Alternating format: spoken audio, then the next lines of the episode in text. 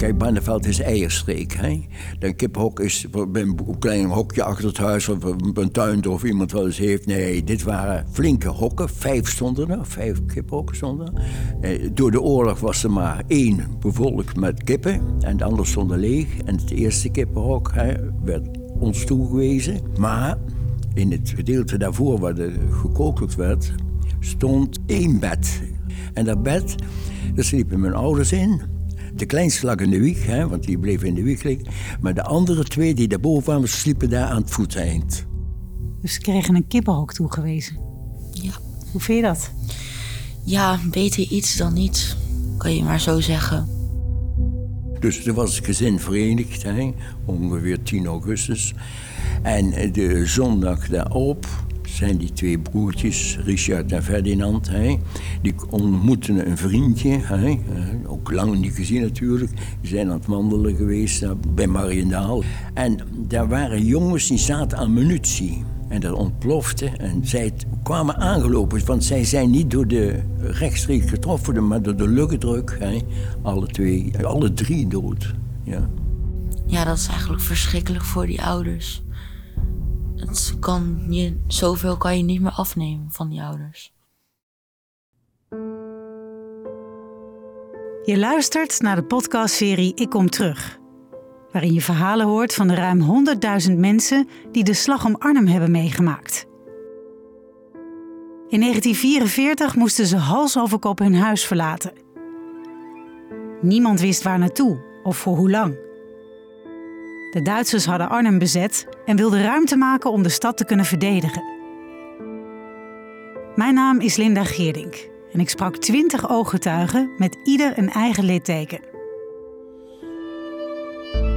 En omdat vrijheid niet vanzelfsprekend is, geven we hun verhalen door aan de jeugd van nu.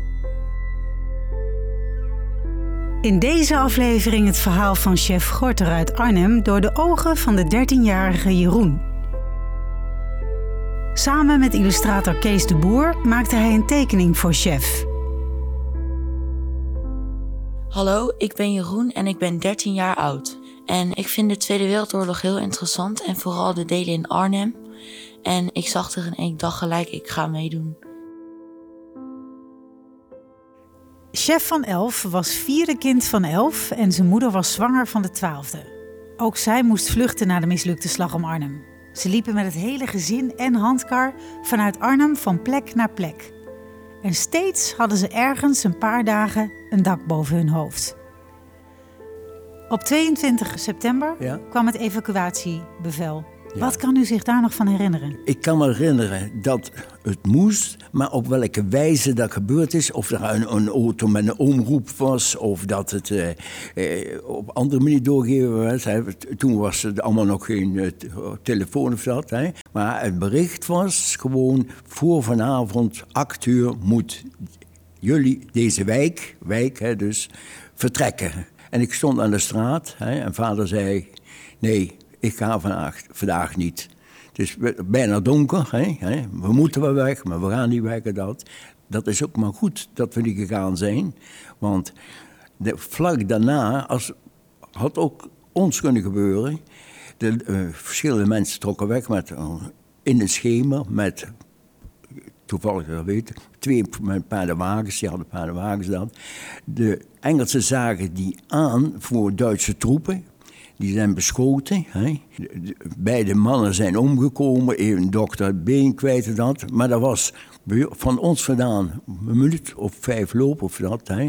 Maar vader zei later altijd, als wij toch opgestapt waren, hè, hè, hè, hè, hadden we daar misschien ook gelopen. Hè, en hadden de Engelsen gezien ons voor Duitsers. En hadden wij die beschieting meegemaakt. Hè, dus, uh, hè. Wanneer zijn jullie wel gegaan? De volgende morgen. De volgende morgen herinner ik mij dat vader eh, de rondje deed, zo'n beetje in de wijk. En die zei, dit is weg, het Rode Kruis is weg, dat is weg, de meeste mensen zijn weg. We moeten inpakken, hè, wij gaan ook. Hè. Dus, uh, wat nam u mee? Ja, nou, dat is wel een verhaal wat wij meenamen. Kijk, mijn vader was smid, smederij, en had een paar handwagens. En toen die die avond ervoor, mensen uit de buurt, die kwamen allemaal die vrachtwagens, kon je huren, bij mijn vader dus, hè, had hij gemaakt zelf dat, hè, die legden ze aan, hij legde ze aan de ketting, hij denkt, voordat ze ze meenemen, hè, dat. Dus twee handwagens heeft hij dus uh, veilig gesteld en dat, hè, en die namen we mee, hè, dus, maar je kreeg de volgende morgen natuurlijk, uh, ja, dat is ook weer mooi van, mijn moeder, we moesten allemaal gewassen, de zonnige kleren aan. Dat is echt moeder. Weet je wel? We hadden de hele week in de kelder gezeten, hè? we zagen niet uit. Nee, waar we terecht komen, moeten we er netjes uitzien. Hè? Hè? Dus hè? we gingen allemaal omkleden, de. En uh, vader en mijn oudste broer, die was wat ouder, dus die gingen die handwagens beladen. Hè? En op de grote handwagen stond een grote kist met, volgens mij, ja, ja dat is een beetje reserve, levensmiddelen, dat zaten daarin en dat. En op de kleine handwagen stond de wieg. En in die wieg lag de een die nog geen jaar was. En daarnaast zaten de drie kleinste van twee en drie jaar, snap je? Dus dat was die wagen helemaal mee volgeladen, zou ik zeggen. Maar op de, of wij toen veel meenamen, kijk op die grote handwagen, dat weet ik niet meer precies. Je hoorde hoe ze zich klaarmaakte om te gaan evacueren. Wat vind je daarvan? Uh, ja, het is wel uh, herkenbaar. Nou ja, uh, dat is snapt. Want je moet er wel altijd netjes uitzien. En vooral als je al in oorlog leeft, is het wel knap dat je nog steeds wel een beetje netjes eruit wil zien. Ja, wel bijzonder dat die moeder daar op, aan dacht op dat moment. Ja, dat is wel heel apart, ja. En ze gingen dus met heel veel mensen op een kar? Wat zou jij meenemen als je moest evacueren? Belangrijke spullen, zoals kleding, uh, voedsel, misschien water onderweg. Een EHBO-kist zou ik meenemen. Valt me op dat je je mobieltje niet noemt.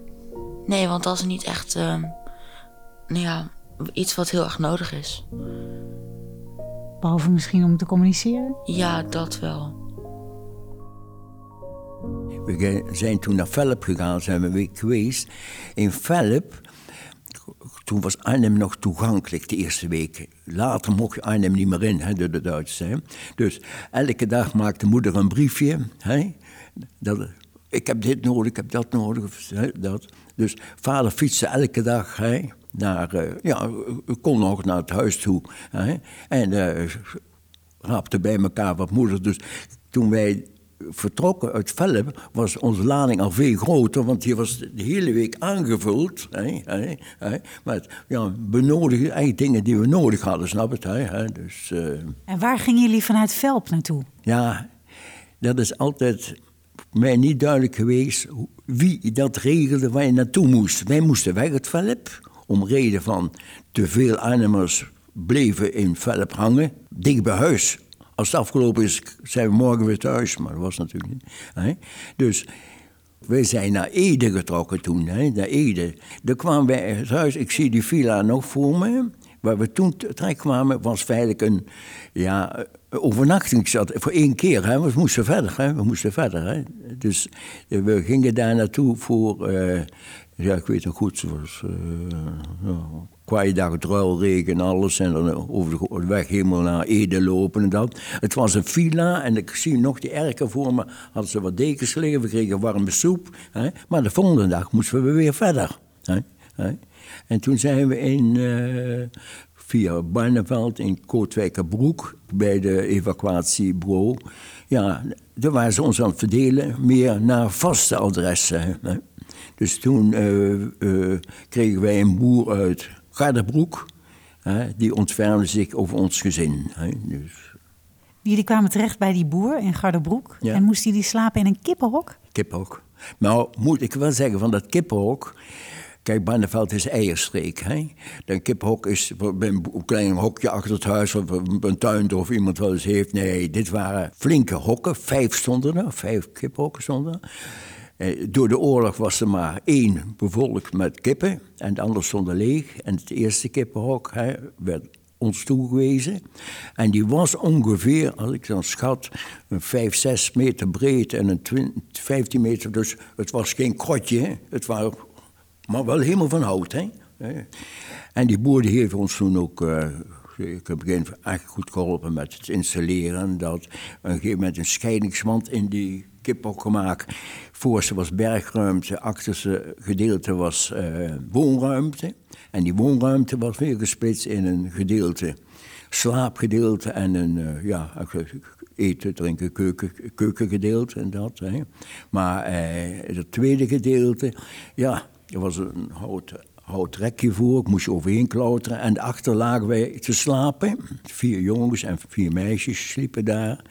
Ja, ik, volgens mij lagen er paardendekens. Maar in het gedeelte daarvoor waar er gekokeld werd, stond uh, één bed. Had de boer er neergezet, had je nog over dat één bed. En dat bed, daar sliepen mijn ouders in. En daar sliepen er twee kleins, nee, niet klein, de kleinste lag in de wieg, hè, want die bleef in de wieg liggen. Maar de andere twee die daarboven kwamen, sliepen daar aan het voeteind. Dus ze kregen een kippenhok toegewezen? Ja. Hoe vind je dat? Ja, beter iets dan niets. Kan je maar zo zeggen. En ze maakten er het beste van? Ja, daarom. Ze maakten er eigenlijk echt een huis van? Ja, dat is eigenlijk best wel bijzonder. Dus jullie hadden het volledig bewoonbaar gemaakt daar? Nou, ja, volledig bewoonbaar gemaakt. Hè. Voor zover dat kon? Nou, in de tijd, snap je het? Het is elke keer waar we dit bezig, dat bezig. Ik moest buiten wc bouwen. Hè. Want we hadden geen wc. We hebben het dak bedekt met plaggen, dat het minder koud was en dat. Hè. Dus, was er voldoende eten? Ja. Kijk, de, moet ik zeggen, die uh, boer moest ons, die kreeg ook, dat heette toen de tijd evacuatiegeld. Hè, dus, en wij een groot gezin was, kreeg je een flink bedrag. Hè, dus, zo. Maar wij kregen eten en drinken, moest de boer verzorgen. Hè, dus, hè, en brood, ja, dat was toen allemaal op de bon. Brood werd bij een bakker in een dorp gekocht en dat. Ik moet eerlijk zeggen, ik heb nooit honger geleden, maar ja, dat ligt een beetje in de streek. Het was een beetje eenzijdig, het eten. Hoe vaak we niet knollen aten of wortels of zo. Maar de boer zelf ook, die hadden geen... Wij, ja, een Arnhem en ook een Achterhoek, waar mijn familie vandaan komt... hebben ze een, een, fijnere keuken, snap je het? Maar ik heb geen honger geleden, hè. Dus, hè. Nu was uw moeder was ook zwanger. Ja, um, ja. En werd u met uw vader op pad gestuurd om spullen te halen voor de baby? Nou, dat is niet het begin... Het begin is eigenlijk zo dat in die, ja, de, de datum naderde, zou ik maar zeggen. Hè? Ja, de, van de bevalling, hè, snap je? Ja. Dus toen we vertrokken uit Arnhem, hè, ja, goed, het was nog uh, amper, ik denk dat het amper in verwachting was. Ja, twee, drie maanden moeder. moeder dat uh, de eerste keer, dat is in december geweest, is vader met Anne, dat is mijn oudste zus, hè, dus die is een jaar of 15, 16, die zijn naar Arnhem gefietst. Hè. Nou ja, moeder zei gewoon, ze moeten wel spul halen, maar dat spul was babygoed halen. Hè. Dus ze moesten, ze werden met de fiets, gingen ze naar Arnhem toe, hè, babyspul halen. En ze waren bijna thuis hè, bij Mariendaal, dat ligt hier, dat landgoed. En dan moesten ze heen, Duitsers hielden ze aan en werden ze teruggestuurd. Ze waren bijna, ze konden het huis bijna zien en dat, hè, moesten ze terug. Hè. Dus, uh, dus er was geen babygoed. Hè. En toen kwam, ja, in 7 februari, ik weet nog de datum precies. Ik logeerde vaak bij mijn grootouders, oom en tante in de Achterhoek. Bij de borg Stilvolde. En toen zei vader, ik ga er met de fiets naartoe. En toen zei moeder, neem chef mee, die logeert daar altijd, hè, met de vakanties en dat. Hè. Hebben een eten minder. maar een grapje, dus uh, een eten minder. Dus zijn we dus s'morgens om zes uur vertrokken. Het was nog donker, droog, ook, weet je dat. Zijn we naar Silvolde in de Achterhoek gefietst en dat. Ja, ik denk ook, achteraf weet je dat niet meer. Mijn tante die wist helemaal niet, want de post werkte ook in die tijd ook helemaal niet meer. Dus, uh, dus ik ben daar gebleven, hè, tot een half jaar lang. In je eentje? In mijn eentje. Maar de rest van de familie was... Nee, vader verzamelde bij tante Marie, dat is de zus van mijn vader. Alle, die had babyspullen, dat. Dus ja, ik zie nog mijn vader met die fiets. Hij fietste terug. We hadden een oom die klompenmaker was. Die, die leverde klompen. De hele fiets was volgeladen hè, hè, met spul. Allemaal van... Maar de hoofdzaak was de babygoed natuurlijk. Hè, dus. En toen is hij dus... Uh, ja, is denk één nacht of twee nachten, twee keer overnacht. Hè. En uh, toen is hij met de fiets weer teruggegaan naar uh, Barneveld of ja, Gardebroek hè, bij Barneveld. Dus, uh. Maar hoe was het voor u om alleen achter te blijven zonder de rest nou, van de familie? Vond ik, ja, je bent bij de familie. Hè. En de tweede is, nou ja, mijn tante kon ik niet zo goed mee, maar dat doet er niet toe. Maar nee, ik, eh, ik werkte daar veel, want ze hadden een beetje boerderijachtig huis met een varken en uh, dingen, kippen en alles. Dus ik, uh, nee, ik had daar echt mijn bezigheden. En omdat ik elke vakantie al kwam, de buurjongens kende ik allemaal. Hè. Dus toen ik daar ook een half jaar was, had ik, vriendjes had ik daar eigenlijk al. Hè. Dus. Ik zou echt heel bezorgd zijn om mijn ouders.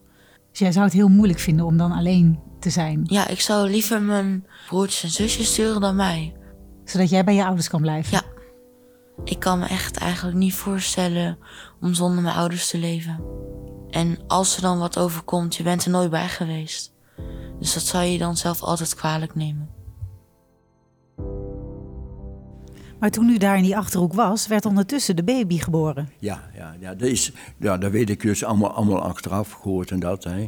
Die is in maart geboren in Barneveld in het ziekenhuis.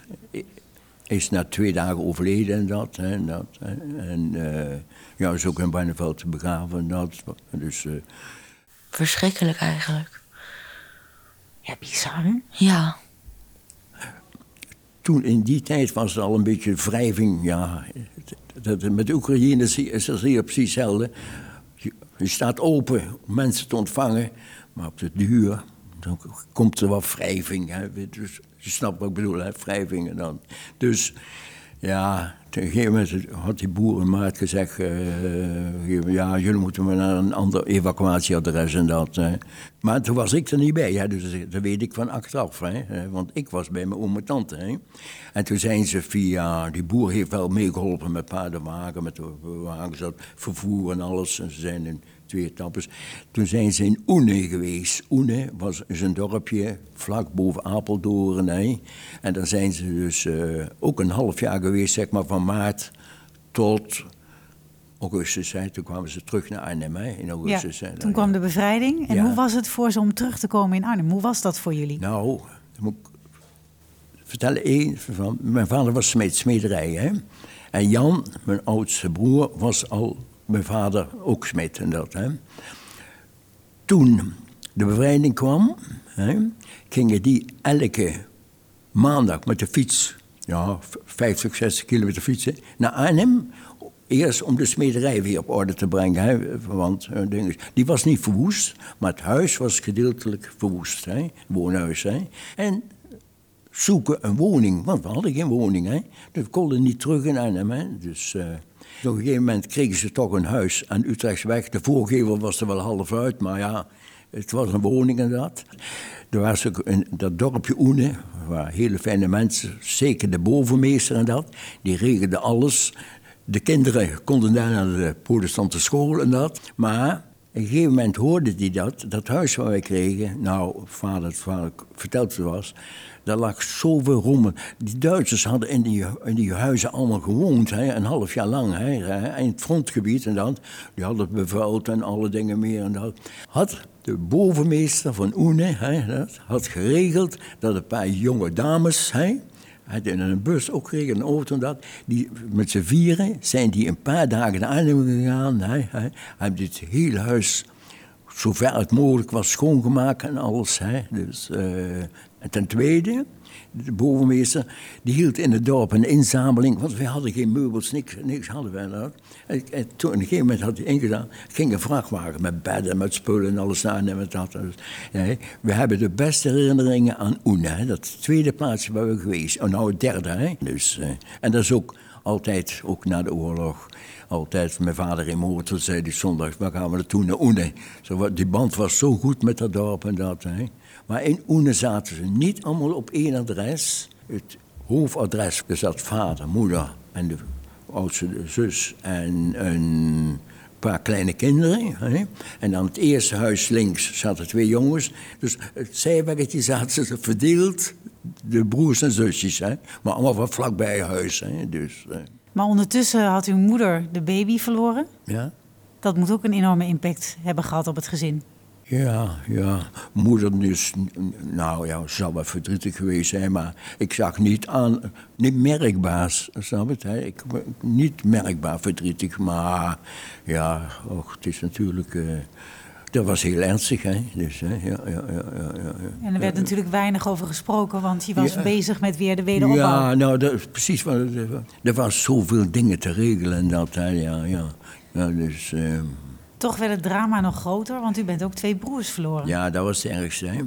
Ik kwam terug, ik, hoorde bij mijn tante op een gegeven moment, ik denk met de post toen een beetje liep, dat mijn ouders een huis in Arnhem hadden. En dat zou zijn ongeveer, zeg maar, 10 augustus.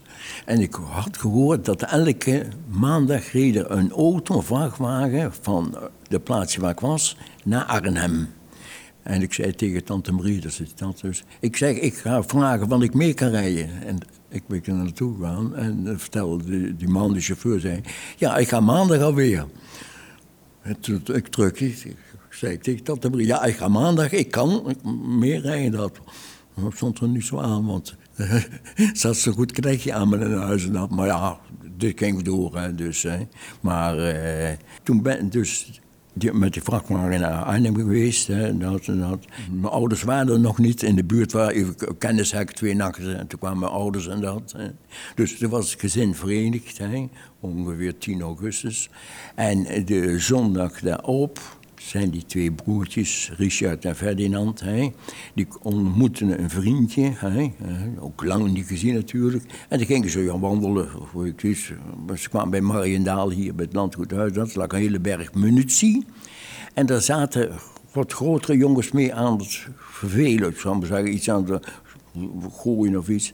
En net want er is een spoortunneltje onder de weg door. En net dat zij er onderdoor waren, dat ontplofte dat allemaal en dat. En door de luchtdruk zijn zij gestorven. Dus ze zijn niet door de munitie, eh, denk ik. Die andere jongens wel, hè, die eraan zaten. Want er waren zeven doden, geloof ik. Ja, Afschuwelijk. Ja, ja, ja. En, en, dat zei moeder ook altijd wel uh, van... Je bent allemaal ik ook weer thuis. Hè. Ja, ik was uh, ook een half jaar weg geweest. We waren allemaal weer bij elkaar. We, woonden weer uh, ja, een redelijk huis en dat. Smederij draaide weer en dat. En toen kwam dit, hè. Ja, dus... Uh, ja, dus... Wel erg verdrietig moet dat ja, zijn. Ja, ja, ja, ja, ja, ja. Kijk, het is natuurlijk moeder een groot gezin en dat geeft veel afleiding. Dat, hè. Ja, dus, ja, er moest van school geregeld worden, dat geregeld worden. En ja, of dingen. Dus moeder zei altijd, ja, je werkzaamheden waren verder de afleiding. Hè? Ja, zoiets. Hè? Dus, niet dat ze niet uh, verdrietig was, maar uh, ja, ja.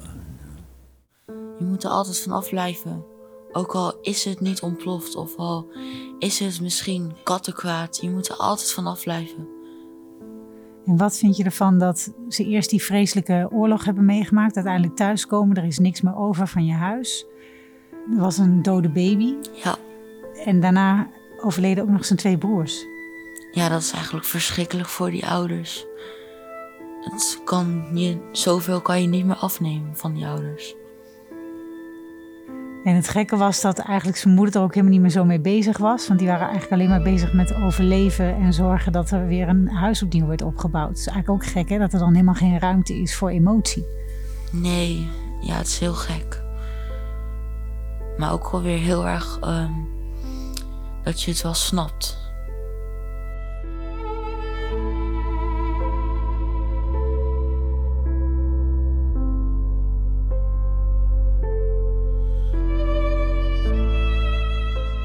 Wat ga je tekenen?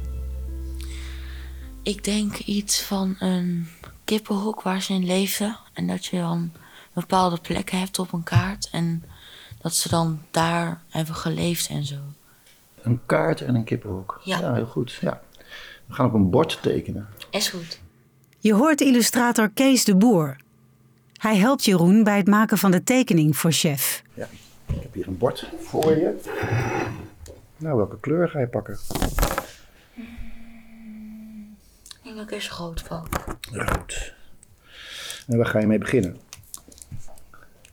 Ja. Is het een idee om met het kippenhok te beginnen? En als in een soort van eh, collage, zeg maar zeggen, eh, die landkaarten omheen te tekenen? Is dat Ja. een idee? Misschien de, als je hier nou in het midden zeg maar de Gelderland maakt. En dat je daar de drie punten hebt waar ze hebben geleefd. Precies. Oké, dus je begint eigenlijk gewoon met de kaart wel. Ja, Ja, oké. Doe maar. gaat die ergens naar beneden. Hoppa. Gaat hier ergens. Zo. Zo, je hebt de vorm getekend van Gelderland. Ja, en hier ergens komt de Rijn aan. En dan maak je zeg maar hier Arnhem, dat is het centrale punt. En dan ligt hier ook ergens Velp. Hieronder ligt ergens Ede. Ik vind het wel knap dat je het uit je hoofd tekent. Ik zou het niet kunnen. De broek. Dit is de route waar ze zeg maar de evacuatie hebben gelegd. Dus ze zijn van Arnhem zijn ze naar Velp gelopen, richting Ede gelopen.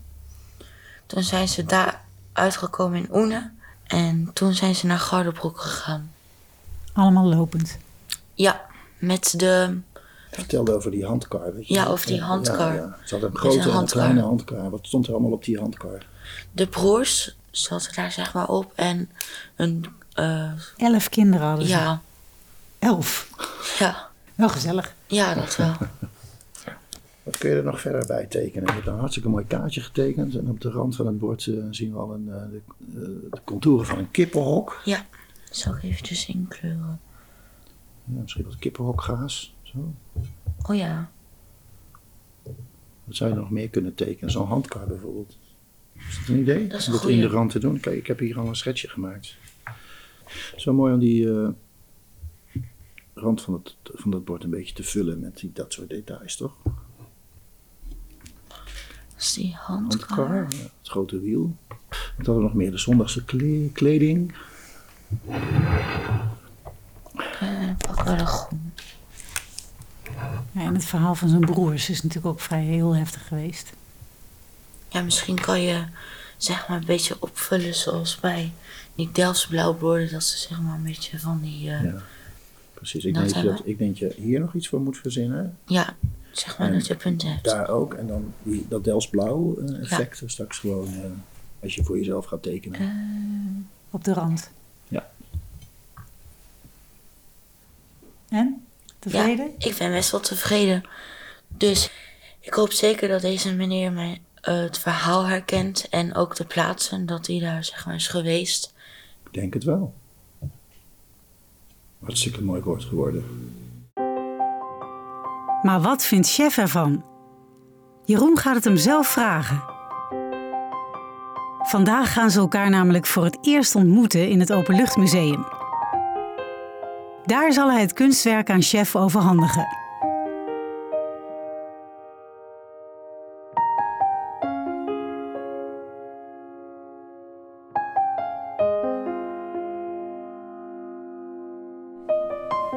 Welkom in het Openluchtmuseum. Ja, Vandaag ga je de heer Gorter zelf ontmoeten. Spannend? eh, ja wel een beetje. Wat verwacht je ervan? Eh, ja, dat weet ik nog niet echt. Zullen we hem maar bijhalen dan? Ja, dat is goed. Gaat u zitten, meneer Gorter. Ik ben chef Korter Ik ben Jeroen. en ik kom uit Os.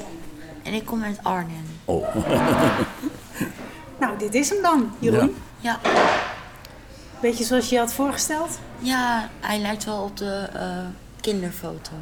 Op de kinderfoto lijkt u nog. heb je een kinderfoto gezien? Ja, Oh ja, en die familiefoto heb ik ook maar gezien. toen was ik iets knapper, dacht ik. Maar ja, dat is lang geleden. Jeroen heeft uw verhaal gelezen Ja, ik snap en, het. en gehoord. Jeroen, misschien kan je even vertellen wat je van zijn verhaal vond. Even een, even een indruk. Ehm, ik vond het een heel eh, speciaal verhaal. Natuurlijk, alles over de oorlog is heel speciaal. Maar dat u eh, uw broers heeft verloren is natuurlijk heel erg. Ja, ja. En wat ik wel leuk vond is dat toen eh, je moest geëvacueerd worden, Ja. moest je je in een tel gaan wassen. In een? Tel, Oh, in de tel, ja. ja. Ja, dat klopt. En u moest uw zondagse kleding aan. Ja, ja, ja. Zo was mijn moeder dan. Hè. Je wist niet waar je kwam, hè, dat. Je moest er netjes en schoon uitzien. Hè. Dus om die reden hè, moesten we eerst in de tijl en de zonnige kleren aan en toen vertrokken we. Dus, eh, maar, Ja. maar ja, het is van mijn moeder, dus die was zo, hè, netjes eruit zien. En, Ja, dat is wel belangrijk. ja, dat, maar zulke dingen blijf je ook een beetje herinneren. Dat, hè, dus, eh, Nu heeft Jeroen, naar aanleiding van uw verhaal, iets voor u gemaakt. Ja, ik heb een bord voor u gemaakt en daar heb ik eh, een beetje geprobeerd de locaties en eh, de car en het kippenhok. Eh, hier zie je het huis dat in puin ligt. ja, Natuurlijk de Arnhemse brug, en zijn broek, ja. de kleding, de tel, De, de, de wat? de tel. Oh, de tijl, ja, ja. En dan hier is, eh, ehm, oh, hoe heet dat nou? Eh, waar uw broers zijn overleden. Oh ja, dat is in Mariendaal gebeurd. Hier in. Bos is dat in een bos gebeurd. En dat. Ja, dat heb ik proberen na te tekenen. Dan was ik nog even aan het kijken. Want ik, kon hier- dit staat eventjes Ede, zie ik hier staan. Arnhem, Ja, Velp, Oene. En hier staat Den.